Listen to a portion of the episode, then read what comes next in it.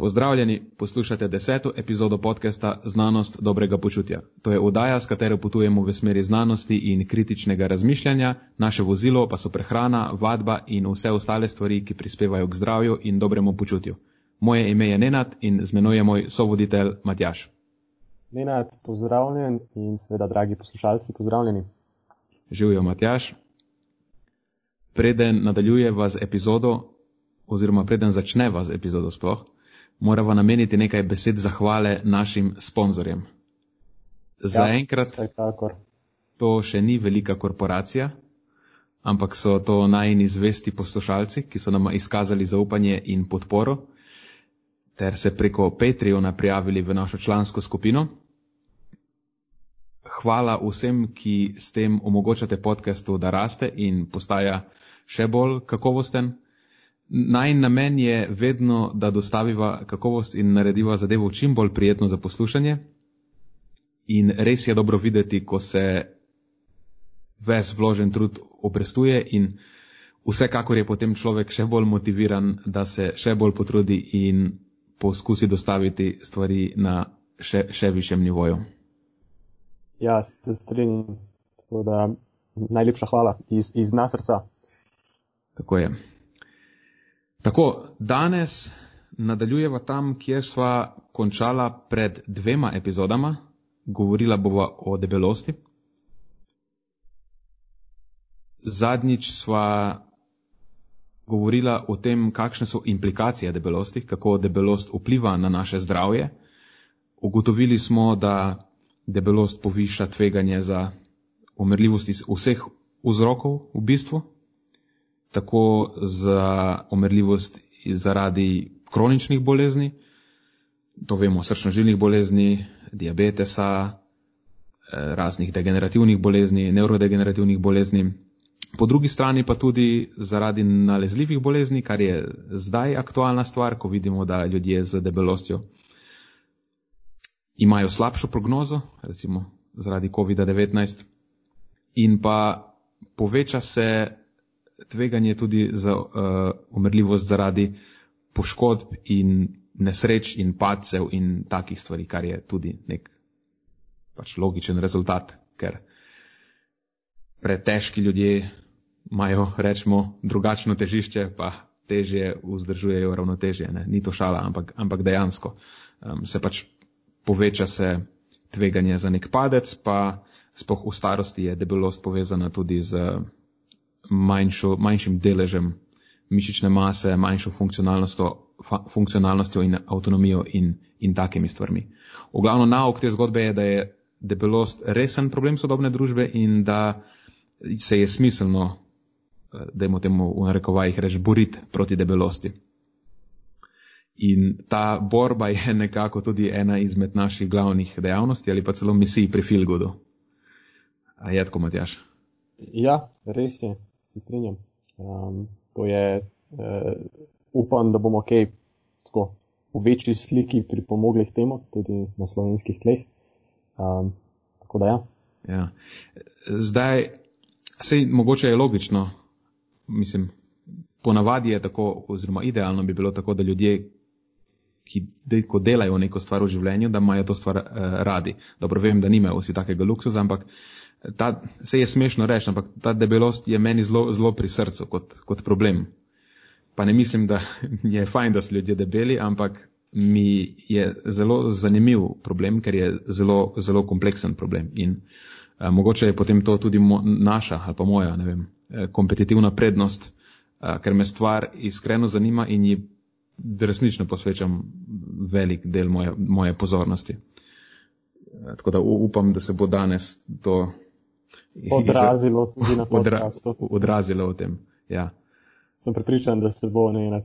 Se pred kratkim, no povej, povej. A, ker e, pred začetkom snemanja, ko smo se pogovarjali o teh temah, kaj bo danes predstavljala, a, mislim, da bodo poslušalci odnesli kar veliko od današnjega podcasta.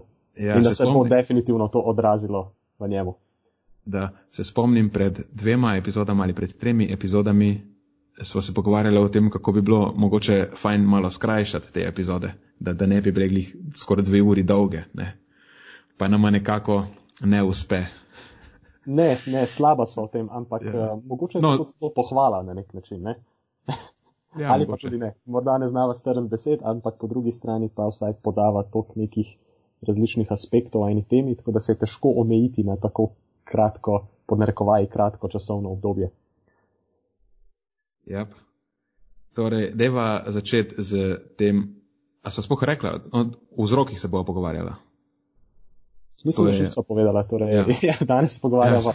o vzrokih debelosti, tako logično nadaljevanje eh, teme dveh podkastov nazaj. Tako je.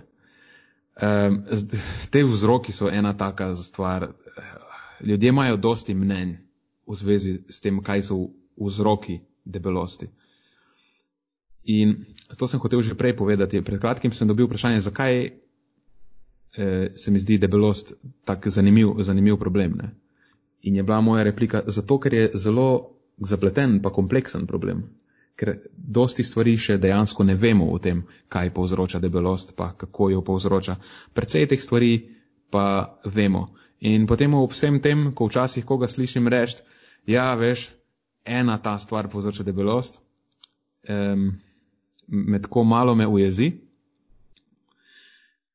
Kar, kaj me pa mogoče še bolj kot, kot to jezi, ker tisto je pač, to je, lej, to je pač samo odraz nevednosti, ko nekdo reče, ej, sladkor povzroča debelost. Ne? Um, ko imaš neke, recimo temu, profesionalce, tiste, ki delujejo na, na tem področju, oziroma na področjih, ki, nekak, ki so na prvi bojni liniji tega boja proti debelosti, in je vse, kar znajo povedati, ja, kalorije notri, kalorije ven. To je tisto, kar bo, kar bo rešilo problem. Ne, to me pa dejansko frustrira, ko od njih to slišim reči. Ja, ja, res je. Um, se strinjam s tabo, Nenad. In to je ta kalorije, not kalorije ven je eden izmed tistih konceptov, ki sicer neizpodbitno držijo, seveda. Ne? Uh, to je ta tak nek os, osnovni prehranski zakon, če se lahko tako izrazim. Um, podobno kot recimo, vem, gravitacija pri fiziki. Ampak eh, to pa še ne pomeni, da ko zadevo prenesemo v prakso, da je to tako zelo enostavno. Ne, samo, samo jej manj, gibaj se več in boš shujšal. Mislim, mm. če, če bi to tako enostavno bilo, eh, potem ne, najbrž ne bi imeli tega problema, ki ga imamo danes. Ja, to je pač neka osnova, je to temeljna podlaga. To še ne pomeni, da znaš rešiti problem, to je samo, da to samo razumeš dejansko, to je samo predpogoje, ne, to te ne, ne naredi dobrega na tem področju. Recimo, če en primer uporabim, inženir absolutno mora obvladati osnove in neke temeljne računske operacije, recimo. In v matematiki je vedno ena plus ena enako dva in en kilometr je vedno tisoč metrov. In na planetu Zemlja, če potuješ 100 km na uro, boš vedno v eni uri prepotoval 100 km. Ne? Ampak to so samo neke splošne zakonitosti. In razumevanje teh osnov še ne naredi dobrega inženirja, sposobnega inženirja. Do, ne, dober inženir ali pa sposoben inženir na katerem koli področju eh, dela mora znati, kako se potem te zakonitosti izražajo v praksi in kaj pomenijo za njegov trenuten ta problem, ki, ki ga želi rešiti. Ne? In povsem enako je v prehrani. Samo to, da ti znaš zrecitirati, ja, kalorije notri, kalorije ven, še ne pomeni, da veš, kaj govoriš. Ne? In pri delu vidimo v praksi, da pri delu z ljudmi in reševanju dejanskih problemov je, je sama ta trditev je, je popolnoma neuporabna. Doskrat je tudi čist kontraproduktivna, spoh, spoh na, na dolgi rok. Ne? To je enako nekomu, ki ima težavo z odvečno telesno težo, reči, pa sej so samo kalorije notri, kalorije ven je enako kot, koristno kot nekomu, ki je reven, ki ima neke finančne težave, njemu reči, da je reven zato, ker zapravi več denarja, kot ga zasluži. Mislim, no shit Sherlock. Ja, tako je. Um, zdaj, rekla sva, da debelost je komplicirana stvar, ki, ki nima enostavnega odgovora. Uh mhm, -huh, res je in, in, pol, in polne ljudje vprašajo, zakaj, zakaj, pa, zakaj pa je kompleksen problem, ne? če vemo, da je samo kalorije notri, kalorije Tako. ven.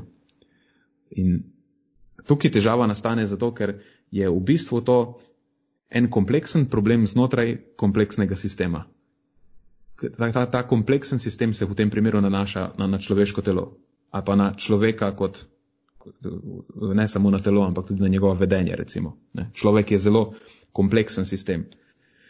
Pa kompleksen v tem primeru ne pomeni samo, da je zapleten. To si ponavadi ljudje predstavljajo, ko rečeš kompleksen. Ampak po definiciji je kompleksen sistem tisti, ki ima, ne znam kako je slovenski izraz, emergentne lastnosti. Ne? To so lastnosti, ki izvirajo iz tega sistema oziroma se pojavijo iz njega kot rezultat te njegove kompleksnosti. Za ta kompleksen sistem je značilno, da samo na podlagi njegovih posameznih komponent, kako delujejo posamezne stvari, um, oziroma, kako, oziroma na podlagi stvari, ki jih daješ v ta sistem, ne inputov nekih, ne moreš zelo natančno predvideti končnih rezultatov. Ta kompleksen sistem v eni take prispodobi si lahko predstavljamo kot neko črno skrinjico, ki mi vidimo, da je samo črna skrinjica. Ne? Ampak znotraj te črne skrinjice je eh, dosti enih različnih komponent, ki vplivajo ena na drugo, so odvisna ena od druge, eh, spreminjajo ena, ena drugo. V glavnem, ta kompleksen sistem ima veliko tež, eh, takih težko predvidljivih premikajočih se delov in mi damo nekaj notri v ta sistem, in potem se notri dogaja Bog ve kaj, in potem čez nekaj časa iz te skrinjice lahko potegnemo nekaj povsem drugega. Recimo, eh, zgodi se nekaj takega kot pri tistem arhetipu čarovnika, ko položi eno stvar v klobuk in potem iz njega potegne zajca.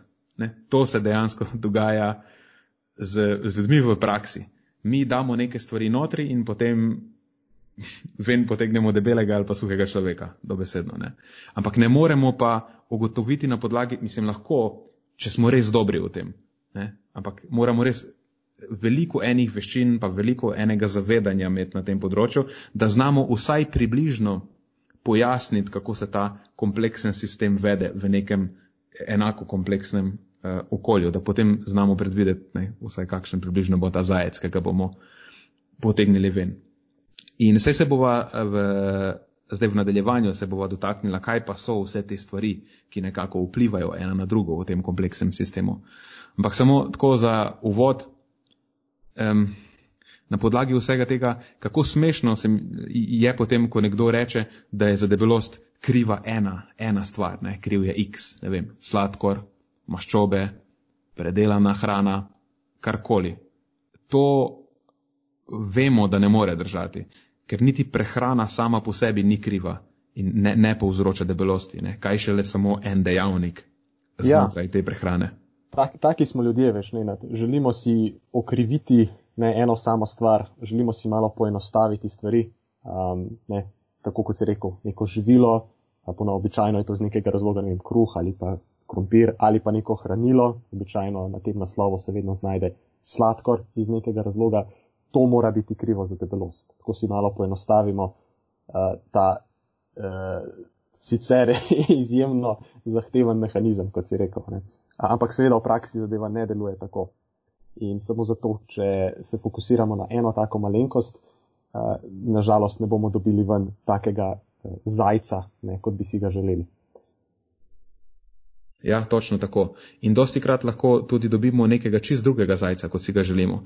Ker spoh, če nimamo dosti kompetenc na tem področju, si mi lahko predstavljamo, da je nek, ukrivimo večji del tega našega rezultata, za večji del tega našega rezultata, ukrivimo neko stvar, ki mogoče samo je malo povezana z tistimi dejanskimi vzroki. In potem, ko to iz tega, tega kompleksnega sistema potegnemo ven, se začnejo dogajati neke druge stvari, ki jih nismo predvideli in to enostavno pač ne vodi tja, kamor želimo uh, priti. Ne? Recimo en tak zelo, zelo pogost, pa mislim, da je tudi tak uh, stereotipski uh, primer, ki se doskrat zgodi, je, da ljudje slišijo, ok, moram manj jest in več moram migati.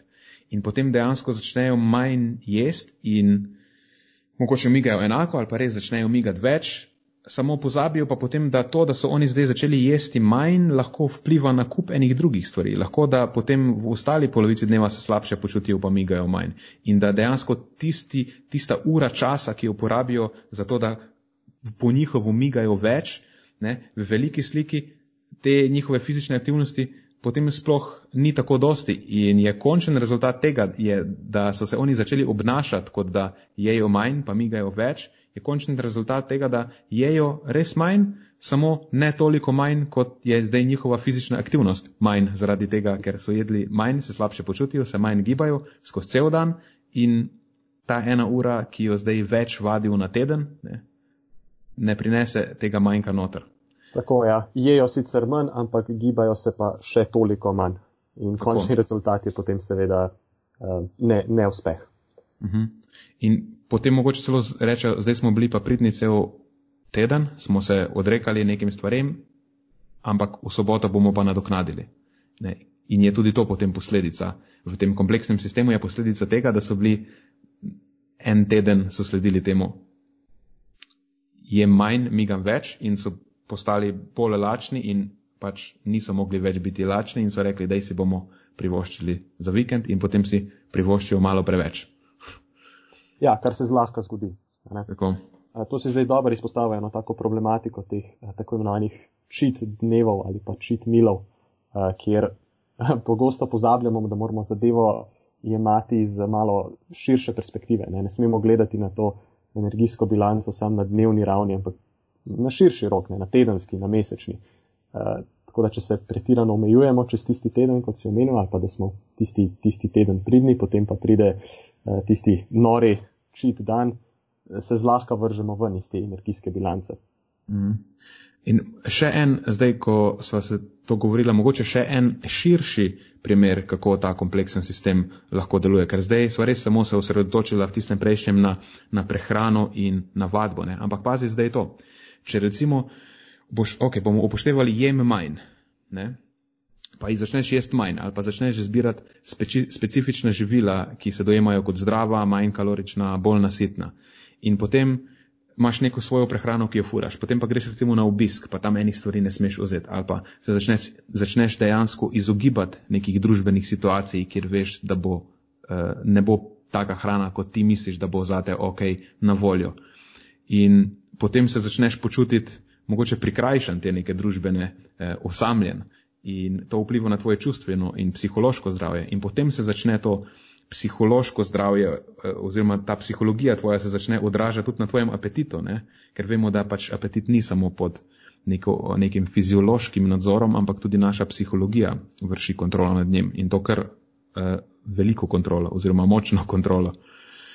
In potem samo zaradi tega mogoče je tvoj apetit večji, kot bi bil ne, ob neki bolj primerni prehrani. In tako se potem vse te, te stvari prepletajo. Ne, in potem v to enačbo dodaj še nek, neke druge infrastrukturne dejavnike, um, kako smo lahko v nekih okoljih bolj ali pa manj aktivni, kako, kakšen je naš socioekonomski položaj in vse te stvari. Ta stvar zelo, zelo hitro postane zelo kompleksna.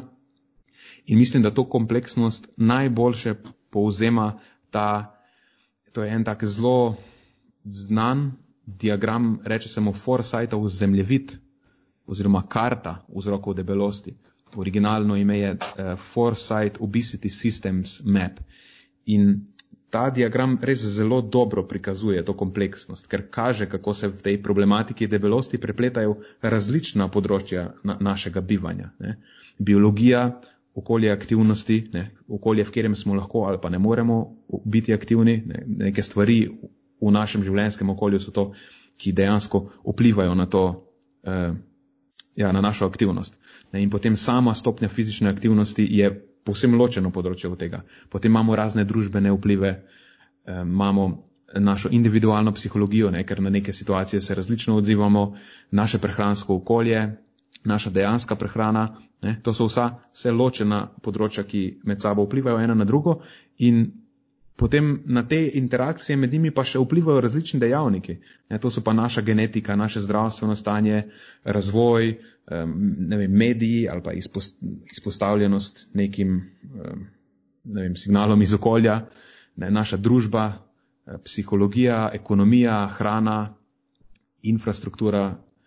Um, mislim, ta stvar zelo, zelo hitro postane zelo kompleksna in ta mapa je res za nekoga, ki misli, da je ena stvar razlog za debelost, mu res priporočam dobro, da si to mapo zelo dobro pogleda, koliko je enih majhnih, ne, ta načrt, koliko je enih majhnih dejavnikov, ki so med sabo prepleteni in kako dejansko je eh, cela stvar eh, tako zmedena.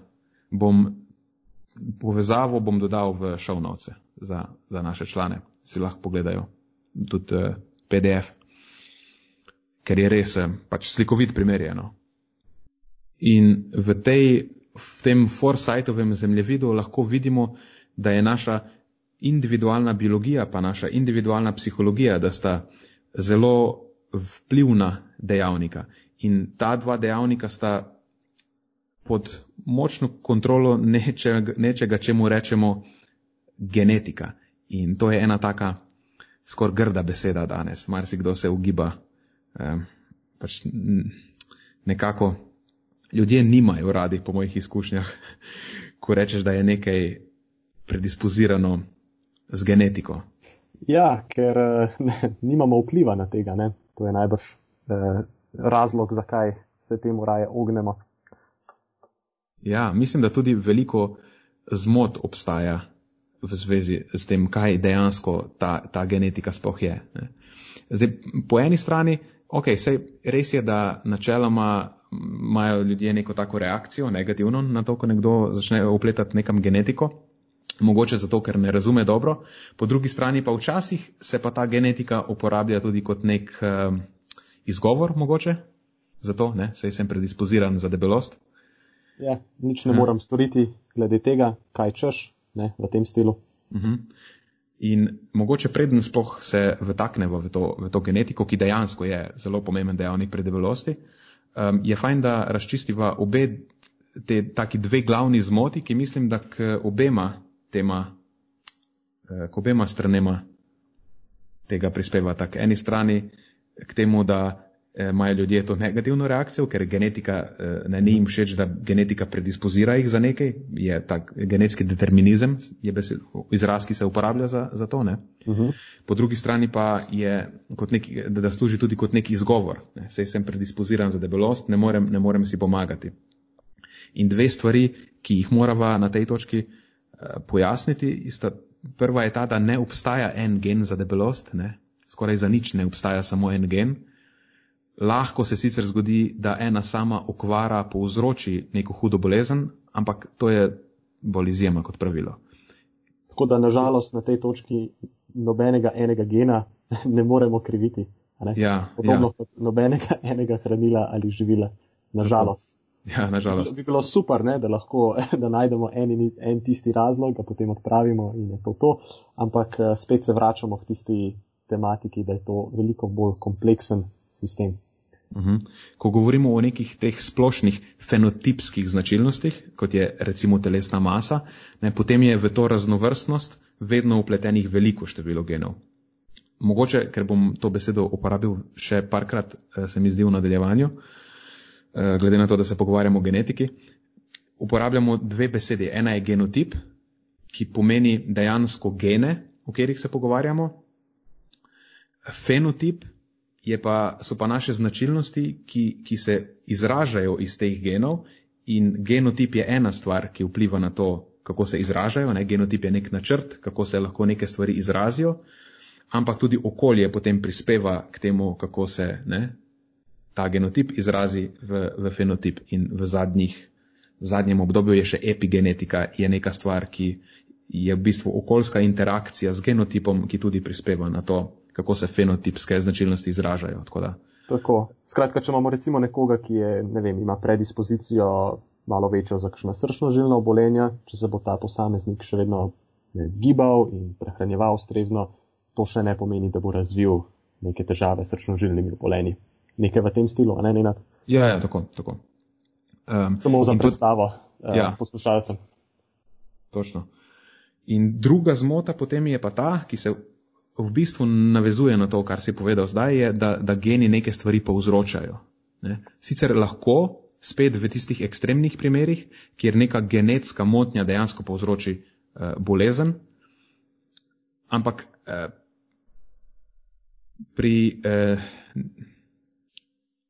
tudi pri nekih karakteristikah lahko, recimo, ki, ki praktično niso pod vplivom okolja, ajde, recimo barva oči, ne, tam geni povzročajo neko stvar. Ampak nasplošno so geni samo en okvir, ne, tako kot praviš, pripravijo nek teren. In potem je okolje tisto, ki določi, kako in kje se bo ta okvir zapolnil, če pač uporabiva to prispodobo okvirja. Ne. Nekdo, primer, zdaj ti si izpostavil srčno-žilne bolezni, to je dejansko super primer um, ker je to neko področje našega zdravja, na katerega res lahko samo z okoljem pa našim vedenjem uh, vršimo neko tako zelo veliko kontrolo. Ampak tudi pri lasnosti, kot je recimo višina, ki rečemo, da ni zelo pod vplivom okolja, ne? da je precej genetsko predispozirana. Ne? Maš tak, lahko nekoga, ki je nagnjen k temu, da bo zrastel visok 2 metra, ampak če ga v otroštvu slabo hraniš, ali pa recimo, da ga izpostavljaš hudemu stresu, ga maltretiraš, ga dejansko fizično poškoduješ. No, potem se pa zna zgoditi, da bo, ko odraste pod povprečne višine, kljub temu, da ima gene, da bi zrastel dva metra. Ne? In pri teh stvarih je vedno neka kombinacija genov in okolja tista, ki določa ta končen fenotip. Ne? Nekatere karakteristike so bolj pod kontrolo genov in genotipa, spet druge pa so bolj pod kontrolo okolja. In za debelost zdaj že lahko rečemo, da je precej, oziroma skoraj v večini, je to stvar um, okolja oziroma našega vedenja. Ne? Obstajajo... Je vsekakor dobra novica. Ja, je vsekakor dobra novica. Ampak zdaj je pa res, da znotraj tega in med posamezniki obstaja precej variacije tega, ne? kako je nekdo predispoziran, pa kako ni mogoče, ali pa je celo predispoziran za to, da, da, da ima bolj suh fenotip. In spoh zaenkrat ne vemo še, koliko dejansko genov je v to upletenih, vemo, da jih je dosti. In potem to genetsko tveganje določamo z, temu rečemo, poligenska ocena tveganja, ki dejansko pomeni samo, da zajamemo nekako te gene, za katere zdaj že vemo, da so povezani z debelostjo in na podlagi teh genov potem um, preberemo ta njih ta genom za, za te uh, gene, za kere vemo, ki so upleteni v debelost in potem določene variacije na, na teh genih, um, tem rečemo potem, to so določeni polimorfizmi, uh, v bistvu niti ne vem, kako naj to poenostavno enostavno pojasnim, ampak vedno so geni neka sekvenca teh eh, nukleotidov, te ne črke in potem zamenjava v samo eni od teh črk je lahko že označuje drug, drugo verzijo gena in potem ta verzija s to eno zamenjano črko, malo pokarikirano, je že lahko povezana z, z debelostjo. Ne? In temu rečemo single nucleotide uh, polymorfi, polymorphisms ali pa polimorfizmi na kratko in potem določeni ti polimorfizmi so bolj ali pa manj povezani z, z debelostjo. In ta poligenska ocena potem vedno upošteva, um, vedno upošteva ta nek, nek, nek seštevek ne vem, koliko zbrana mi je zdaj to uspelo povedati. Ampak... Ne, super si povedal. Zelo, mm. a, z, z, uspelo ti je poenostaviti eno izjemno kompleksno tematiko. Ok, super, me veseli, v moji glavi se je to slišalo kot ena solata besed. um, v glavnem, uh, na, najbolj znani oziroma en, zaenkrat najbolj vplivni uh, ti polimorfizmi, ki res pojasnijo največji odstotek tega genskega tveganja za, za debelost, so na enem genu, ki nosi kratico FTO, FTO In to je kratica, celo kratica tega gena je, označuje to, da je povezan z debelostjo, je Fat Mass and Obesity Associated Protein. Ne? Torej protein povezan z maščobno maso in, in debelostjo. In potem oni označijo te polimorfizme z, v tem primeru RS in ne vem, neke številke. Ne vem, ena, štiri, neki, neki. V glavnem vemo za eh, vsaj tri polimorfizme samo na tem genu, ki je najbolj vpliven, ki so povezani z debelostjo. Ampak zdaj zakaj? Ne, kaj se zgodi zdaj? Kam je vključen ta gen? V delovanje česa, da je človek bolj ali pa manj izpostavljen debelosti? In dosti krat potem eh, mislijo ljudje, da to je nekako povezano z presnovno stopnjo, da imajo ljudje, ki so bolj nagnjeni k debelosti, znižano presnovno stopnjo ali pa da lažje skladiščijo maščobo ali pa kaj takega, ampak za ta FTO gen zdaj že s precejšnjo gotovostjo lahko trdimo, da je upleten predvsem v regulacijo apetita. In vidimo ja. že pri otrocih, ki še nimajo razvite debelosti in so stari 5 do 10 let, to je ena taka zelo fina, elegantna raziskava, uh, Renzenhofer in sodelavci 2019 je letnica, um, so opazovali vnos, kalorični vnos pri 5 in 10 let starih otrokih ne? in so res opazili, da nekdo, ki ima dva alela, ki sta povezana s tveganjem, oziroma otrok, ki ima dva alela, tako res veliko več uh, kalorij zaužije tekom enega obroka in bolj skupen energijski vnos, dočim tisti, ki pa ima recimo en dob, en, mislim en alel, ki je povezan z debelostjo in en, ki ni, je nekje na sredi, vmes in tisti otroci, ki nimajo nobenega alela, ki je povezan z tveganjem, najmanj kalorij zaužijejo, ne? dobro kontrolirajo svoj apetit. Tako da je res, res je, res je izrazito. Ja, super si to razložil. Um, mogoče ravno na tej točki, ko si že odprl temo, da imajo predebeli posamezniki nizko presnovno stopnjo. Uh, zdi se mi, da je to en tak uh, precej pogost prehranski podnarekovaj mit, s katerimi se srečamo. Čež da posamezniki, ki so predebeli, uh, ne morejo shujšati, saj imajo nizko presnovno stopnjo. Ne? In to seveda ni res. Presnovna stopnja je namreč v veliki meri vezana ravno na telesno maso posameznika. Pač več kot nas je, pa tudi če to prihaja recimo na račun maščobne mase, ki sicer ni tok um, energetsko aktivno tkivo, več energije pokurimo.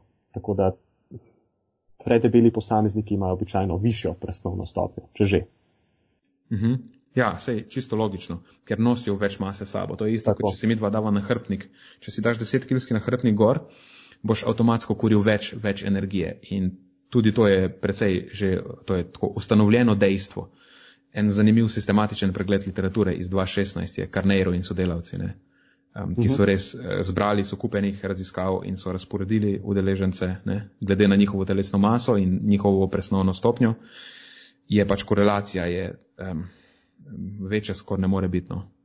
Dejan, ja. Ja, pač, se, obstajajo, veš, se obstajajo dejansko neke motnje, um, dom, obstaja domneva pri policističnih jajčnikih, da bi lahko imele ženske eh, neka, precej nižjo presnovno stopnjo. Ampak veš, to so neki zelo, taki zelo obrobni primeri, ne, ali pa hipotirodizem, recimo. Um, Tako lahko rečemo, da za večino nas zdravih posameznikov pač tako velja. Seveda so tako obmejni primeri, vedno se znajdejo, tako kot si omenil. Tako, tako. Uh, zdaj, rekla so apetit, ne, da je pomemben, predvsem pri tem. Ja.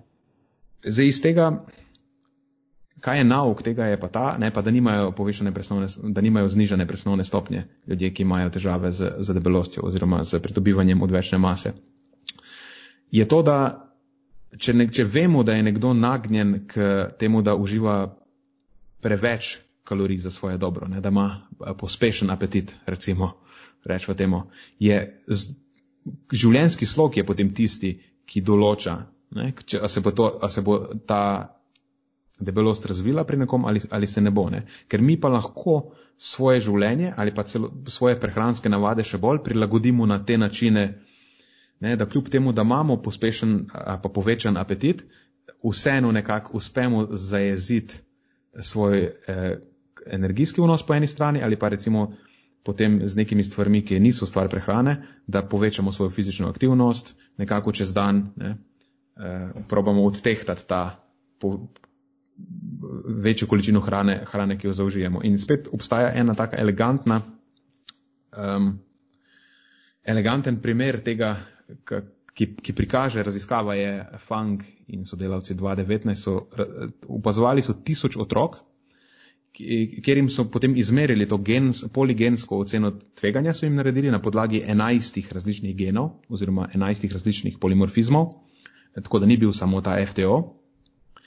In so potem ocenjevali so, so prevalenco, torej pojavnost debelosti tudi glede na, na njihov življenjski slog. Ne. Razporedili so jih v skupine glede na njihovo tveganje in potem so videli, koliko znotraj ne, različnih skupin teh razporejenih po tveganju, um, njihov življenjski slog določa stopnjo debelosti. Ne. In so ugotovili, da tudi pri skupini, ki ima tako zelo, zelo visoko tveganje, ne, ki je mogoče imela vseh enajstih polimorfizmov povezanih z debelostjo, je v bistvu zdrav življenjski slog, ne, to so, so bili potem razni kriteriji, ne, da ne, ne uživajo sladkih pijač, da jejo nepredelano hrano, da so aktivni toliko ur na, na teden, mislim, da je bilo tudi uh, čas preživeti pred televizijo, neke take stvari so potem na podlagi tega so upravili oceno življenjskega sloga. Ne in so ugotovili, da tudi pri otrocih, ki imajo visoko tveganje za debelost, če res upoštevajo vsa ta načela zdravega življenjskega sloga, ni nič dosti višji, višja prevalenca debelosti kot pri tistih, ki imajo zelo nizko tveganje. In potem, če ti z zelo nizkim tveganjem živijo nezdravo življenje, se jim tudi poveča eh, tveganje za debelost, ampak je zanimivo, da pri teh, ki pa nimajo velikega tveganja, ne, nezdrav življenjski slog ni močno povezan z debelostjo. Tako da, ne, da nekdo živi življenje, ki upošteva to, da ima ne, tve, neko tveganje za debelost, je bolj, je bolj pomembno pri teh, ki imajo visoko tveganje, ker ti so res izpostavljeni. Dočim se vsak pozna, kakega ima kakega prijatelja, ki lahko glih poje karkoli, ne, v narekovajih, ali pa ni zelo dost aktiven, pa je vseeno, vseeno precej suhne. Tako je. Um, ko si ravno omenil to regulacijo apetita, samo za trenutek grem ven iz eh, sveta genetike, pa se vrnem nazaj, da ta koncept kalorije not, kalorije ven. Um, ja, ne, res že drži kalorije not, kalorije ven, tako kot sva rekla, ne, če nekdo pač, eh, ki ima recimo, vzema en hipotetičen primer nekoga, ki ima energijskih potreb 2000 kilokalorij na dan, zdaj če bo pač na dnevni bazi zaužil manj kot to, pa ne glede na to, ali ta energija prihaja na, na račun nekih predelanih ali pa manj predelanih virov, v vsakem primeru bo skušal. Ampak To pa ne upošteva tega, da če bo posameznik, če bo njegova prehrana temeljila primarno na teh predelanih virih, bo seveda zelo visoka verjetnost, da bo tista bolj predelana živila izpodrilila uh, za njegov dotični cilj mogoče malo bolj ugodna živila, ki imajo recimo več vlaknin, so bolj nasitna in podobno. In to ima seveda negativen vpliv na regulacijo apetita in potem dolgoročni uspeh posameznika na neki dieti. Uh, tako. Mm -hmm. Yep. Mm, aha, še ena stvar, ki je v zvezi s tem, eh, samo to genetiko velja izpostaviti, ta, da um, sej, že iz prejšnje te, iz fangove raziskave, recimo eh, z, z otroci, ne, je, je zelo razvidno, da, da ni samo ta genetika, da je življenjski slog tisti, ki potem. Genetika je samo pištola, bolj ali pa manj nabita, ne, z življenjskim slogom se potem, ali pa z okoljem, v katerem eh, živimo, se potem potegne ta petelin ali pa ne. -huh. In ena zelo taka zanimiva raziskava je bila uh, Jose Antonio iz uh, South Florida University, on je znan raziskovalec te presnove uh, beljakovin, uh -huh. ampak uh, pred to je 2019 so upravili raziskavo na dveh, na skupini ljudi, ki ima uh, oba, mislim, da oba alela na, na FTO genu, ki sta povezana s tveganjem, oziroma samo z ljudmi, ki pač rečemo imajo, imajo eh, tveganje za debelost zaradi alelona FTO geno. In vzeli so drugo skupino, ki pač ni imela tveganja, ki je imela zniženo tveganje za debelost in so jih razporedili na dve popolnoma enaki skojševalni dieti ne, z enako stopnjo fizične aktivnosti. In sta obe skupini zgubili enako količino telesne mase. Ne. Tako da ni težava v, v tem samem, eh, ni težava v principih. Ne. Um, lahko pa je težava v tem, kako dosledno lahko nekdo tej dieti sledi. Ker v tej konkretni raziskavi so pač, veš, upoštevali so navodila, ne? ampak v praksi, ker jim ni preostalo drugega, ampak v praksi pa je, veš, lahko ti dva človeka daš na enako dieto, ampak nekomu jo bo lahko upoštevati in ji bo lahko sledil, nekomu drugemu bo pa res pač subjektivno težje in bo bolj lačen. Ja, in, seveda mislim, da lahko v, v tej točki potem nadaljujemo v naslednjo temo, ki se pa dotika teh nekih trajnih prilagoditev ne, oziroma te same težavnostne stopnje diete, kako se različni ljudje različno odzivamo na, tudi na, na samo hujšanje. Recimo. Uh, ja, ja, res je. Um, zdi se mi, mislim, ena izmed pogostih uh, če smem na tej točki omeniti še en malo pogostejši ta prehranski uh, mit, je, da tekom hujšanja prihaja do nekih takih prilagoditev, uh, ki nam onemogočajo izgubo maščeve od ene točke dalje. Um, dejansko ni ravno tako. Ne? Kot prvo, kar se zgodi tekom hujšanja, je to, da seveda izgubljamo telesno maso in kot sva z Nenadom že povedala, telesna masa je vezana na presnovno stopnjo. Pač manj kot nas je skupaj, nižja je presnovna stopnja. Ne? Pač manj kalorij bomo pokurili in za te osnovne življenjske funkcije in med telesno aktivnostjo. A, ampak te spremembe spet niso tako nenormalno visoke, kot si jih večina, po mojem mnenju, predstavlja. Druga stvar, oziroma druga večja prilagoditev, do katere pride, je pa na tej, na tej točki tako imenovane nevadbene termogeneze. Ne. Ta nam namreč pove, koliko energije posameznik pokuri dnevno, vezano na aktivnost, ki ni telovadba, recimo, koliko energije pokurimo, da, kaj povem, peljemo psa na sprehod, da gremo v trgovino, da počistimo stanovanje in tako dalje. In seveda ta nevadbena termogeneza prispeva kar nezanemarljiv delež k celokupni količini pokurjene dnevne energije. In tekom hušanja naše telo postane precej varčno. In to se potem kaže v takem nezavednem pacu, ravno v tej nevadbeni termogenezi. Ne, ker naenkrat, recimo, malo karikiram, ne, ne da se nam več ustati z kavča tako pogosto, uh, ne premikamo se toliko naokoli, kot si, kot bi se sicer in posledično seveda pokurimo manj energije. Ne. Če nismo pazljivi, nimamo tega v mislih, potem si lahko recimo napačno interpretiramo, zakaj se številka na tehnici neha premikati v pravo smer. Um, Ne, in to je to bolj, bolj ali manj, kar se tiče teh prilagoditev. Uh, poleg dejstva, da nam recimo padejo tudi sitosni hormoni, da se povečajo hormoni lakote in potem stremimo k bolj energijsko gostejši hrani. Um, na tej točki se mi je zdelo vredno omeniti rezultate ene izmed takih najbolj kontroverznih prehranskih raziskav, kadarkoli narejenih, ki po mojem mnenju danes pod nobenim pogojem ne bi šla skozi etično komisijo. Nenad, seveda, veš, o čem govorim, ne? Gre se mhm. za ta Minnesota Starvation Experiment. Um, gre se za raziskavo, ki je potekala, če se ne motim, med leti 44 in 45, kjer je raziskovalce zanimalo, kako dolgotrajno stradanje vpliva na fiziološke spremembe v telesu. V bistvu so želeli uh, simulirati razmere hujše lakote, ki so bile prisotne sicer recimo med drugo svetovno vojno. Uh, vzeli so dobrih 30 moških, če se ne motim, ki so najprej uživali prehrano z, se nima veze, energijsko vrednostjo malo preko 3000 kalorij. Uh, to je trajalo 12 tednov, potem pa so zreducirali to številko za polovico za obdobje šestih mesecev. Če si predstavljate, jedli so pol manj za obdobje pol leta. To je izjemno visok energijski primankljaj in v tem obdobju so deleženci izgubili kar četrtino svoje originalne telesne mase, ne, kar je ogromno. Še posebej, če upoštevamo, da nihče izmed njih ni bil ravno predebel na začetku raziskave. In tudi ta energijski vnos so spremljali izjemno rigorozno. Ne? Zdaj, nenad, če se ne motim, zdi se mi, da se je eden izmed udeležencev celo načrtno poškodoval, da je lahko izstopil ven iz te raziskave. um, tekom, spoh na koncu, potem so beležili uh, tudi razne uh, neke motnje v vedenju, kako ti ja. rečemo, vedenske motnje. Ljudje ne samo, ne, da so hoteli izstopiti, um, zbirali so, začeli so obsesivno se ukvarjati s hrano, ne? razvili so tudi neke prehranske motnje. Ja, en model si je prst, prst je odrezal. Ja, um, to, to, to. to ampak eh, zanimivo je, ker tam, ko bereš to, so poročali, kako te ljudi zbirajo slike hrane, ne režejo ven iz ja. časopisov neke recepte. Sanjajo. Fantazirajo, ja, fantazirajo v neki hrani. Ne? Mislim, res je fascinantno. Mislim, dobesedno so jih mučili, no? Res so jih mučili, ja.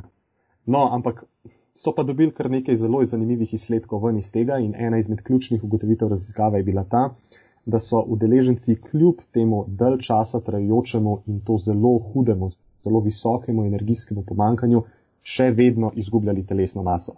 Zdaj, presnovna stopnja se je sicer zmanjšala za približno 40 odstotkov, ampak to je bilo primarno na račun manjše telesne mase, spet manj kot nas je skupaj, manj pokurimo.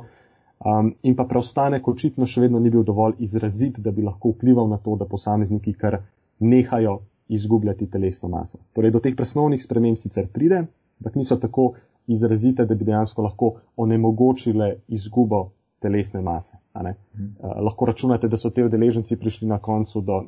Pravzaprav lahko najdete kakšne slike na spletu, samo zgooglete ta The Minnesota Starvation Experiment.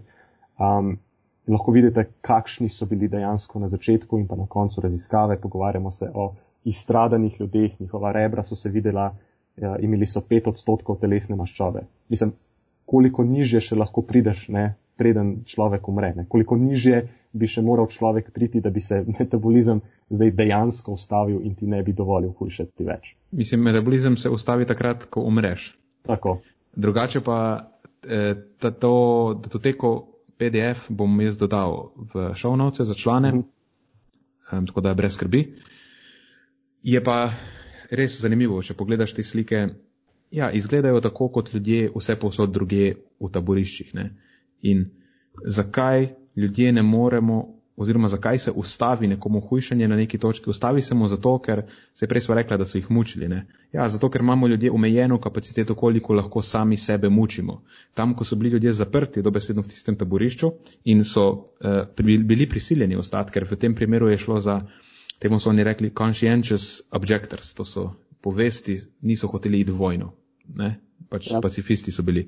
In potem so jih zato, ker so odklonili sodelovanje v vojni, pač so jih zaprli v tisto taborišče in delali na njih poizkuse, tako po domače tako, povedano. Zdi se mi, da so imeli na izbiro to ali pa pač, da gredo v zapor. Tako. Ali ali. I, ja. In ljudje v resničnih življenjih ponavadi nimamo take kapacitete, da sami sebi prizadanemo toliko gorja. In na neki točki pač nehamo biti dosledni pri hudi dieti. Ne. Že tako ali tako smo nagnjeni k temu v literaturi rečemo k misreportingu, torej k temu, da mislimo, da pojemo eh, precej manj, kot pojemo v resnici. Ne. In ljudje smo, tako kot pravim, že v osnovi smo k temu uh, nagnjeni. Obstaja ena taka klasična raziskava na tem področju, je Bull in sodelavci, to je že iz prejšnjega um, stoletja, 1995 je datum. Zdaj smo očitno šla na raziskave prejšnjega stoletja, ne, bo kar tukaj ostala. Ja, ker takrat smo precej, eh, precej zanimivih stvari smo v zvezi s tem odkrili. Takrat, takrat je bila očitno etična komisija še bolj uh, tako, plus. Ja, ma, ma, ma sej ta, ki jo imam v mislih, nima sploh veze, neč posebej z etiko. Ja. Ker so vzeli ženske v vzorec, ki so poročale, da zaužijajo 1200 kalorij ali pa manj kot 1200 kalorij in ne morejo zgubiti odvečne mase. Ne. Šlo je pa za predebele ženske oziroma ženske s povišeno telesno maso. Ampak v tem primeru so bile obisiti um, tako, kar zelo prekomerne. Ampak one so poročale, da dosledno uživajo 1200 kalorij na dan. No, ko so jih dali, ko so jim dejansko izmerili, koliko hrane zaužijajo v laboratoriji, z, ma, z laboratorijo, z malo bolj sofisticiranimi metodami, kot so njihove oči, so ugotovili tudi v, v tem vzorcu vmes ženske, ki so uživale 3000 kalorij. Ne. Veliko jih je uživalo čez 2000, torej enkrat več kot, kot 1200. V glavnem najbolj ekstremen primer je bil pa, mislim, da skoraj 4000 ali nekaj takega. Ne. Eh, lahko pride do zares ogromnih odstopanj, spoh če zbiramo predelana živila, za kjer res ne vemo, kakšno energijsko vrednost imajo. Tako da, ko probamo te stvari nekako nadzorovati, je res ključno, da se naučimo dosledno meriti porcije, ki jih zaužijemo. Ne. Pa, pa vemo tudi, recimo, da ljudje, ki so usposobljeni za to, ki so profesionalni dietetiki, ena podobna raziskava je, v, tak, tak, je vzela vzorec dietetikov, ne, na podoben način kot tista prejšnja je vzela pretežke ženske. In so jim rekli, da beležijo svoj vnos hrane pa so na koncu ugotovili, da se tudi dietetiki vmes motijo za 500-800 kalorij na dan. To je, to je ogromno. Ja, Tako, to če, so ljudje, ki so načeloma izobraženi na tem področju. Ni, ni čudno, da potem generalna populacija dela še večje odstopanje od tega. Ja, in če nimaš nekih metod razvitih za to stvar, si pač ne pečen. moreš. ja, pečen si, res si pečen. In veliko tega, kar mi dejansko v naši praksi delamo, je to, da razvijamo te metode, da ljudem pomagamo na čim bolj neneurotičen ne način, ne? da noben ne šteje kalorij. Mislim, res pri nas noben ne šteje kalorij, razen če res izrečno želi, pa še takrat se mu dosti krat tudi svetuje. Ampak obstajajo neke druge, boljše metode. Tudi športniki običajno ne, ker ja. ni nobene potrebe. Samo nek ja. dodaten stresor dajemo človeku v življenje, ki ga vsekakor ne potrebuje po vsem ostalem, kar se mu dogaja. Mm. Um, no, prej sva pa rekla, no, govorila so o teh nekih prilagoditvah, ki se zgodijo. Ne? Pa predtem so govorila še o genetiki. In tudi tukaj obstaja povezava, Ne? Tudi te prilagoditve so delno pod genetsko kontrolo. Zdaj, omenil si, da ljudje, um, da je recimo jim, se jim znižajo, se jim te uh, sitostni hormoni, ne, leptin jim pade, ta peptid YY, holecistokinin, inzulin recimo je pomemben, sitostni hormon tudi, pač so njihov, njegovi nivoji so nižji, Poveč, poviša se polgrelin, pa ostali um, te, rečemo temu, lakotni signali. In ljudje načeloma, ko so dlje časa na dieti, poročajo višji, to sub, višji ta subjektivni apetit, ne, temu rečemo subjektivno poročanje apetita, je pri njih više, kar vsak, ki je dlje časa užival premalo hrane, pa je začel izgubljati maso, je, je opazil. Ne. S časoma postajamo bolj in bolj, bolj lačni. In zdaj pri ljudeh, ki so bolj nagnjeni k debelosti, lahko te spremembe, ena, so bolj izrazite, ne, se bolj odzivajo na to, bolj ekstremno, so bolj lačni in pa lahko ustrajajo dlje časa. Ne. Njihovo telo želi hitreje nazaj na tisto staro točko in signal, kako to, oziroma kako to telo doseže, je tako, da poveča te lakotne signale in nas nekako sili v to, da jemo več, kot bi si mi želeli, glede, glede na, naš, na naš cilj. Tako da to je ena stran te enačbe ne, pri ljudeh, ki so recimo genetsko bolj nagnjeni k debelosti. Obstaja pa še druga stran, na drugem ekstremu, ne, ki pa je ta overfeeding response. Um, kako bi to prevedla? Odziv na Prenajedanje. prenajedanje. Ja. Um, ta pa mislim, da je zelo, to je, taka, to je zelo aktualno potem, ko vidimo nekoga, za katerega rečemo, oh, ta pa lahko vse poje, ne, pa se mu nič ne pozna. Mogoče dejansko lahko poje več kot nekdo drug. Ne? Sej ne verjamem, da nekdo vedno uživa ogromne količine energije, pa ne bo pridobival telesne teže, to se ne zgodi. Ponavadi v teh situacijah gre za to, da mi nekoga vidimo v enem obdobju, veš, gremo z njim na večerjo in pol ga Ja, ne potem vidimo. pa to prenesemo na, na Ja. celo življenje. ne. In pol ga- Najbrž skozi tako je. Pa Ja, in pol ga, mi njega ne vidimo naslednjih par dni in znotraj teh par dni lahko on komod pokompenzira ta višek, spoh če je njegova sposobnost nadzorovanja apetita zelo robustna. Ne? Um, no, ampak še nekaj drugega se lahko zgodi dejansko. En tak odziv na to prenajedanje je tudi ta, da se pospeši presnovna stopnja v smislu, ne, prej Matjaš si rekel, da um, ta um, non-exercise activity thermogenesis, ne, Tako nevadbena ta termogeneza. nevadbena termogeneza se jim lahko močno, močno poviša. Um, postanejo taki bolj, ni glih razdržljiv beseda, ampak eh, bolj z rokami začnejo razlagati, pa veš obrazna mimika, pa trzajo, pa tako. In na ta račun poveča se jim mogoče celo telesna temperatura. Uh, na ta račun se da precej kalorij izgubiti. Mhm. In tudi na tem področju imamo eno tako klasično raziskavo iz prejšnjega stoletja, na, to je Bouchard in sodelavci iz 90-ih. In je raziskava, ki se, eh, je raziskava na teh monozigotskih, to so en, enojajčnih dvojčkih. Ne. Ponavadi se vzorci teh enojajčnih dvojčkov uporabljajo pri raziskavah, ko hočemo mi ugotoviti, koliko genetika je odgovorna za nek odziv, ne? ker pač to so ljudje, ki so načeloma odraščali v nekem enakem okolju in pol, če jih damo še ne, znotraj raziskave v eno enako okolje, potem res lahko opazujemo samo, kako so nekako genetika vpliva. Ker če imamo dva enojajčna dvojčka, ona dva imata enak genotip in pol imamo dva druga enojajčna dvojčka, ki med sabo imata spet enake gene, ampak med sabo so si pa pari različni. Ne? In pol lahko res na zanimiv način opazujemo, kako ta neka stvar, ki, um, ki jo mi, ne, neka intervencija, kjer eh, izpostavimo te, te pare dvojčkov, kako vpliva na njih. In v tem primeru so, eh, ne spomnim se točno, koliko parov je bilo, mislim, da 16, 7, 15 Ja, ali celo- 16 parov dvojčkov. Celo Uspelo jim je najti toliko parov dvojčkov. Ja, sej Bravo. boš videl, ker je bila zanimiva raziskava, taka zabavna. No, v glavnem, 84 dni so jedli 1000 kalorij na dan več, kot so jih porabili. Pomeni, da so skupno zaužili 84 tisoč kalorij viška. In po teh 84 dnevih so vsi skupaj v povprečju pridobili 8 kg. Zredili so se za 8 kg.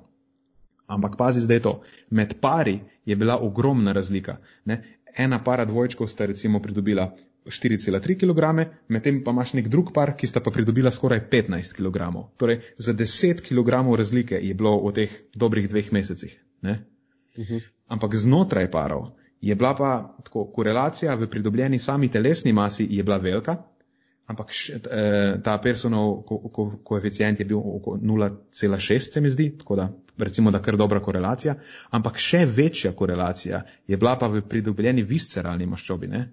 Eh, koliko, tudi, kako se maščoba porazporedi po telesu, je pod to genetsko kontrolo. Tam je bila pa korelacija eh, 0,75 skoraj.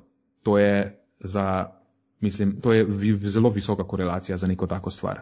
Ne? Po- Ponavadi pač, ker ena je popolna korelacija. Mhm. In to je pač neka taka klasična raziskava, ki, ki zelo dobro in slikovito pokaže, da je, ne, potem, da, da je dejansko pod genetsko kontrolo ta zadeva. Ker znotraj isti dvojčki so pridobili isto količino kilogramov, ne med sabo pari, pa, pa, pa zelo različno. Ja, zelo In- zanimivo. Zelo zanimivo. Zanimivo potem- je bilo tudi spremljati, kako so, eh, na kakšen način so te dodatne kalorije pokurili, ne? kako, je, kako je to izgledalo. Ja, ja. Tega v članku potem ne navajajo, ker pač tega niso spremljali. Obstaja en kup še kasnejših raziskav, ki dejansko ugotavljajo, da se poveča število korakov in take stvari, da postanejo ljudje, ki so bolj odporni um, na pridobivanje, bolj aktivni, eh, bolj nemirni postanejo. Tako da uh, to je potem nekako iz, iz tega izhaja, ne? iz teh prvih raziskav, ko so ugotovili, da dejansko najprej so razlike, so potem probali ugotavljati, zakaj točno so razlike. Ker v tem Bušardovem članku samo rečejo, da ja, očitno neke stvari se potem zgodijo, da se ta energijska bilanca eh, nekako zgodi drugače. Ja, tako, ne povejo pa točno zakaj. Mhm. Ampak ja, se vemo. Pravzaprav zakaj. Mm. Zelo zanimivo. Tako da zdaj smo dosti smo se pogovarjali o tej neki um, individualni energetiki, bo tako rekla. Nisa pa nič rekla o nekih drugih širših, mogoče družbenih ali pa socioekonomskih dejavnikih, ne? ki tudi vemo, da so izjemno lahko pomembni um, pri vseh teh stvarih. Zdaj pri nas v Sloveniji mogoče malo manj, ker vsi imamo nekak dostop, recimo že sam standard pri nas je dokaj visok. Um, nima, mislim, se obstajajo revni ljudje, ampak jih je recimo manj kot v nekih drugih državah. Vsi nekako imamo dostop do visoko kakovostne hrane, ne? dejansko imaš merkator v, tako, v vsaki ulici skoraj dobesedno, kar je super. Um, ampak Tako je, tako je. Se pa znajdejo po kakšnih drugih predeljih, uh, modernih predeljih sveta, um, to, da je energijsko gosta, visoko procesirana hrana postala zelo poceni in pa zelo lahko dostopna. Uh Mhm. -huh. to, to je eden izmed teh razlogov, ki zagotovo vpliva na to uh, enačbo kalorije not, kalorije ven. Mhm. Ja, pa gre se za priročnost predvsem. Ne? Sej, če gremo pogledati v trgovino, predelana hrana je dražja, večinoma od nepredelane. Samo moramo upoštevati recimo nekdo, ki a veš, ima dve službi, ne? ki, se, ki se preživlja z dvema službama. On nima časa kuhati, ker nepredelana hrana je sicer poceni kot surovina, samo ti jo moraš imeti čas pripraviti. Moraš jo znati ja. pripraviti, ne moraš imeti urodja za pripraviti jo, moraš imeti mogoče celo neke posebne ponve, veš, kaj hočem reči. Ja, ja. vsekakor je lažje kupiti nek uh, burger, re- recimo karikiram, kot pa uh, iti domov, pa namočiti čičeriko, pa jo skuhati naslednji dan. Razumem. Veš, neka mogoče mama samohranilka nima časa tega narediti. In potem je to je tista problematika. In, in res vidimo, da ta, eh, ta socioekonomski položaj izjemno tesno korelira z debelostjo. Um, nek, slabše, v slabšem položaju, kot je nekdo, pač večje, je, večje ima tveganje za debelost. In znotraj tega obstaja kupenih stvari, ki jih tudi moramo upoštevati, ko spoh, kad delamo za, za stranko v praksi, recimo. Ne, um, pač ni, ne, mor, ne moreš sam reči, um, omeji kalorije, ne, ker, ker potem zadaneš resničen svet. Ok, kako bomo zdaj to naredili? Ne? Ja. In, in rečeš, ja, gledaj, vse pod, eh, nepredelana hrana je poceni, ne? sam, a jo ima ta oseba čas pripraviti, ne? a jo ima eh, kupiti tudi, recimo zelenjava. Zelenjava je ena taka stvar, ki je dražja od ostalih stvari. In um, to so vse bolj dejanski problemi, na kjer pa mislim, da, da ni enostavnih rešitev, ker se po začnejo dotikati več tudi ideologije, začnejo se dotikati politike, um, vere včasih in uh, ta stvar pa zelo hitro postane zelo, zelo zapletena. Ne, vsekakor to je zelo kompleksen problem in terja neko. Um, terja, da se na individualni ravni zadeva razreši, oziroma da se išče neke rešitve, um, kako bi lahko to izpeljali skozi, ne? kljub, um, kljub socioekonomskemu statusu, kljub, uh, kljub temu, da posameznik mora biti upravlja več služb naenkrat, da ima družino, tako ali drugače. Mm. Ja, ena stvar, ki smo jo isto zdaj videli z temi karantenami in z, z eh, koronavirusom in z vsem tem. Zelo mi je bilo smešno, ko so rekli ljudje, ja, veš, to je zdaj virus, on ne izbira med tem, koga prizadane in zdaj smo končno vsi enaki varianta, veš, ne? da tudi bogati vidijo, kako je to, eh, ko, ko si izpostavljen nevarnosti. Pa se mi je zdelo tako ful, oh, shit. Pa vi sploh kaj razmišljate svojo glavo? Nekdo, ki je doma na 20 kvadratih dobesedno, pa zdaj mora biti v stanovanju zapret noter, kako je zdaj njega to isto prizadelo, ne, ali pa recimo nima nobenih prihrankov, kako je zdaj to njega isto prizadelo kot enega bogataša, ki ima tako tisoč kvadratov posestva, ki ima home gym, veš, domačo mhm. telovadnico, ki ima prihranke tako za dve leti še za vnaprej, ne. Ja, to mi je bilo tako, ja. tako, tako bizarno. In, um, pač ni nas enako prizadelo. Ne? Te neke stvari nas ne prizadanejo enako. E, tudi, ja, pri, tudi kar se tiče debelosti, veš, nekdo, ki ima sredstva, je že tako, tako pač v boljšem položaju, da si najame neko pomoč. Nekdo, ki nima sredstva, mora te stvari sam delati, pa mogoče nima časa tega delati. Ja. In seveda, ko stvari se lotiš sam, pa morda nisi ravno najbolj vešč v njih, oziroma ne veš vseh informacij, se tega zelo pogosto eh, lotimo napačno. Ja. Potem se moramo učiti na lastnih napakah. Točno. Um, ja, to sem hotel sem prej navezati na infrastrukturo, ne, kako pomembna je dejansko infrastruktura. Zdaj, ok, mi vse posod to zdaj že lagremo kolesariti, ker so te kolesarske steze, lagreš lafat, kamor češ itne. Ampak pa v Ljubljani imamo recimo čist zrak. Ampak predstavljaj si, da živiš v nekem uh, unesnaženem mestu, ne, kjer je skozi so neki trdi delci v zraku. Mislim, ti dejansko težko, težko si fizično aktiven spoh tam, če ne, glih niti fajn id teč vun smrdeč zrak, recimo, da si tam nekje v Pekingu doma, kaj pa jaz vem. Ne, vse to potem vpliva na, na, to, na to enačbo. Ja, tako. Morda v kakšnem bolj revnem predelu, morda v kakšnem bolj nevarnem predelu ti tudi ni ravno najbolj prijetno zahajati kar tako ven, eh, spoh, če nimaš na razpolago kakih, ne vem, kakšnih eh, zunanjih prostorov, gozdov v tem stilu in podobno. Mhm. Ja. Ok, zdaj je dobro, vse ta tukaj se zdaj vidi, že, da, da ta socioekonomski dejavniki niso na eno področje, ker samo nekaj nabijava. Da, mogoče lahko to počasi presekava. Eh, ena stvar, ki bi se je še rad dotaknil, predtem zaključiva, je pa uh, weight stigma. To je pa mhm. stigmatiziranost tistih, ki imajo uh, previsoko te, telesno težo. Ne? In se mi zdi, da to je pa tudi en problem, ki, ki vsemu bistveno lahko prispeva. Uh, Uh, spet vidim dosti krat strani raznih fitness profesionalcev, kako rečejo, ja, to ni, ne obstaja weight stigma, pa ne, kako jih bomo pa prisilili, mislim, kako jim bomo pa, ne vem, eh, moramo jim reči, da so predebeli in, in, in veš, neke take ja, floskole. Um, ja, ja. sej v redu je, da upozarjamo na to, da debelost uh, ima nek davek na zdravje, da uh, na neki točki pač odvečna telesna masa ni idealna več za zdravje, um, ampak veš, ima pa vsak pravico, da poskrbi za svoje zdravje.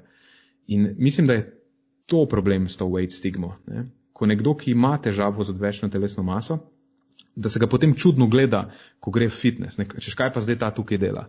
Ja, kdo pa ne drug, če ne on? Ne? Take ljudje, ljudi se mora spodbujati. Lej, končno se je odločil, da zase nekaj naredi in ima vso pravico, da je tam. Ne? Mislim, absurdno je, da, da se viš, na njih nekako čudno gleda. A pa še bolj, uh, primer, ki pa je zame vsaj je še bolj zaskrbljujoče, pa pri zdravnikih, toskrat recimo vse tudi stranke nam rečejo, ko pride k zdravniku nekdo, ki ima uh, odvečno telesno težo. Mopol zdravnik reče, ja, morate shujšati. Varianta, ne? ne tu, če ima ja. zlomljeno nogo, mislim, se zabavam, ne, ne zabavam se, ampak v končni fazi, tudi če pride nekdo zlomljeno nogo k zdravniku, bo pol zdravnik, ja, vi pa ste malo pretežki. Ja, v redu sem pretežek, samo zdaj imam zlomljeno nogo, kaj ima to veze s tem? Ne? A pa jih, a veš, ne dajo jih na neko operacijo, ki je za njih nujna, pa ni povezana s tem, zato ker morate pa prej izgubiti neko telesno maso. Dobro, zdaj v nekem ekstremnem primeru, ko dejansko miza operacijska ne prenese mase, pol razumem, da morajo izgubiti. Ne? A veš, samo je to neka stvar, ki je prisotna v družbi in zanikati to potem ne naredi koristi, ne pripomore k temu, v narekovajih, boju uh, proti debelosti. In tudi vidimo, zdaj že imamo kar nekaj, je kar nekaj raziskav narejenih tudi na to temo, da dejansko to šejmanje ljudi, um, kako je slovenska beseda za šejmanje, um, da jih nekako zaničuješ zato, ker imajo odvečno telesno maso, ne, ne pripomore k temu, da, so, uh, da zdaj oni začnejo nekaj delati zase, spet v narekovajih. Ne. Ja, obstaja zihar kak ekstremen primer, da če mu govoriš, ti si debel, da bo potem dejansko začel delati v tej smeri. Ampak za večino, pa zdaj vemo, da to ne pomaga, ampak potem ta občutek sramu, občutek krivde samo še prispeva ponavadi k temu. Um, da si ne upajo ali pa nekako se omaknejo, pa ne, ne poskrbijo zase. Ne. In, in to, pa je, to pa je dejansko velik, velik problem. In je, je širši družbeni problem, no? ker se mi zdi, da vsi imamo neko tako.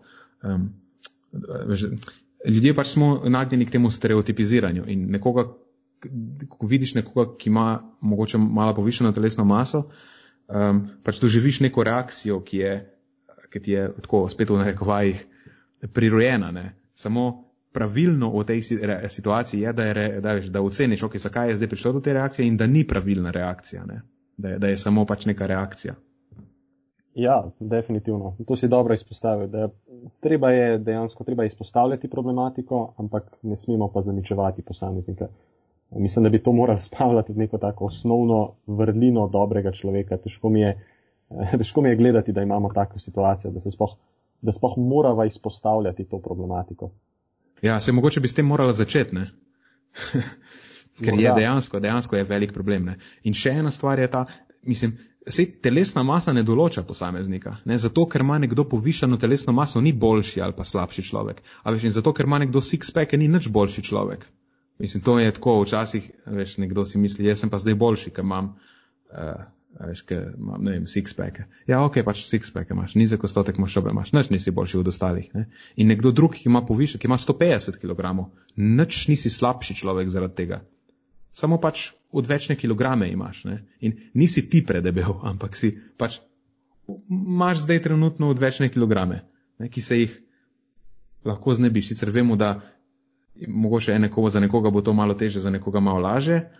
Um, Ampak mislim, da je prvi korak pomemben je ta, da se zaveš, da, nisi, veš, da se ne identificiraš s tem. Ne nisi ti to, samo to je neka stvar, ki jo pač zdaj trenutno nosiš okoli sabo. Tako, tako in da stremiš k temu, da se. Ja, da poskušaš um, stremeti k temu, da imaš malo bolj ugodno telesno maso, telesno sestavo. Ampak, ja, če ti je zdravje, tako kot si rekel, ne, teža, te pač, teža te pač ne definira kot človeka. Da. Tako. In ok, po, lahko potem s tem zaključim, ampak še ena stvar, ki se navezuje na to, je pa ta, da eh, ponavadi imajo največ težav s telesno maso tisti, ki se preveč identificirajo s svojo telesno maso, ne? ali pa eno gre z drugim v roki, se mi zdi. Um, ljudje, ki dojemajo svojo vrednost skozi svojo telesno obliko, bo rekla, um, imajo ponavadi s tem večje težave kot ljudje, ki svojo vrednost najdejo v nekih drugih stvarih, veš, tako kot je dejansko, mislim, da naj, najbolj zdravo. Veš, nas definirajo kot osebe neke druge stvari, veš, vsak je v nečem dober. In če se začne identificirati skozi tiste stvari, v katerih je dober, um, pa posveča malo manj pozornosti ti, na tiste stvari, v katerih pač ni dober, pa je mislim, da je to psihološko potem precej bolj ugodna. Ugodna situacija, pa tudi ga mislim, da predispozira k temu, da eh, lažje rešite svoje težave z, z, z telesno maso. Ja, zagotovo.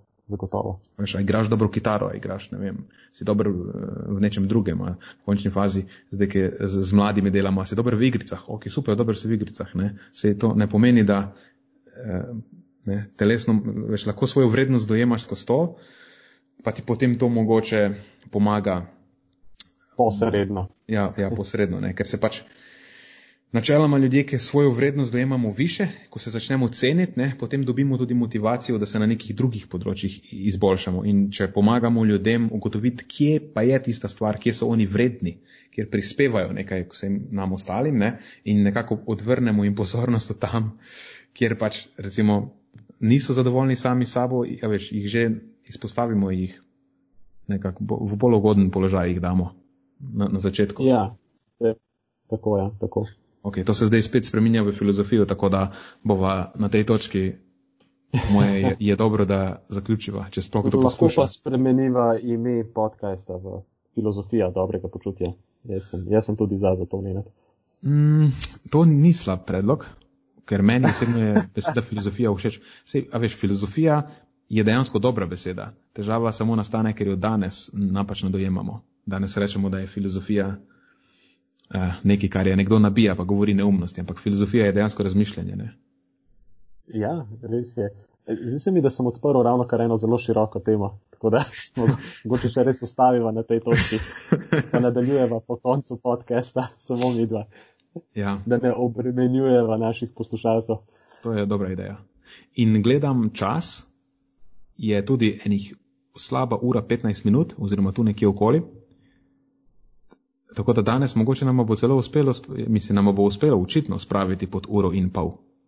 E, odlično, v deseto ali v enajsto gre rado. Ne? Gre rado, Tako ja. pravijo. To je ta klasični slovenski pregovor.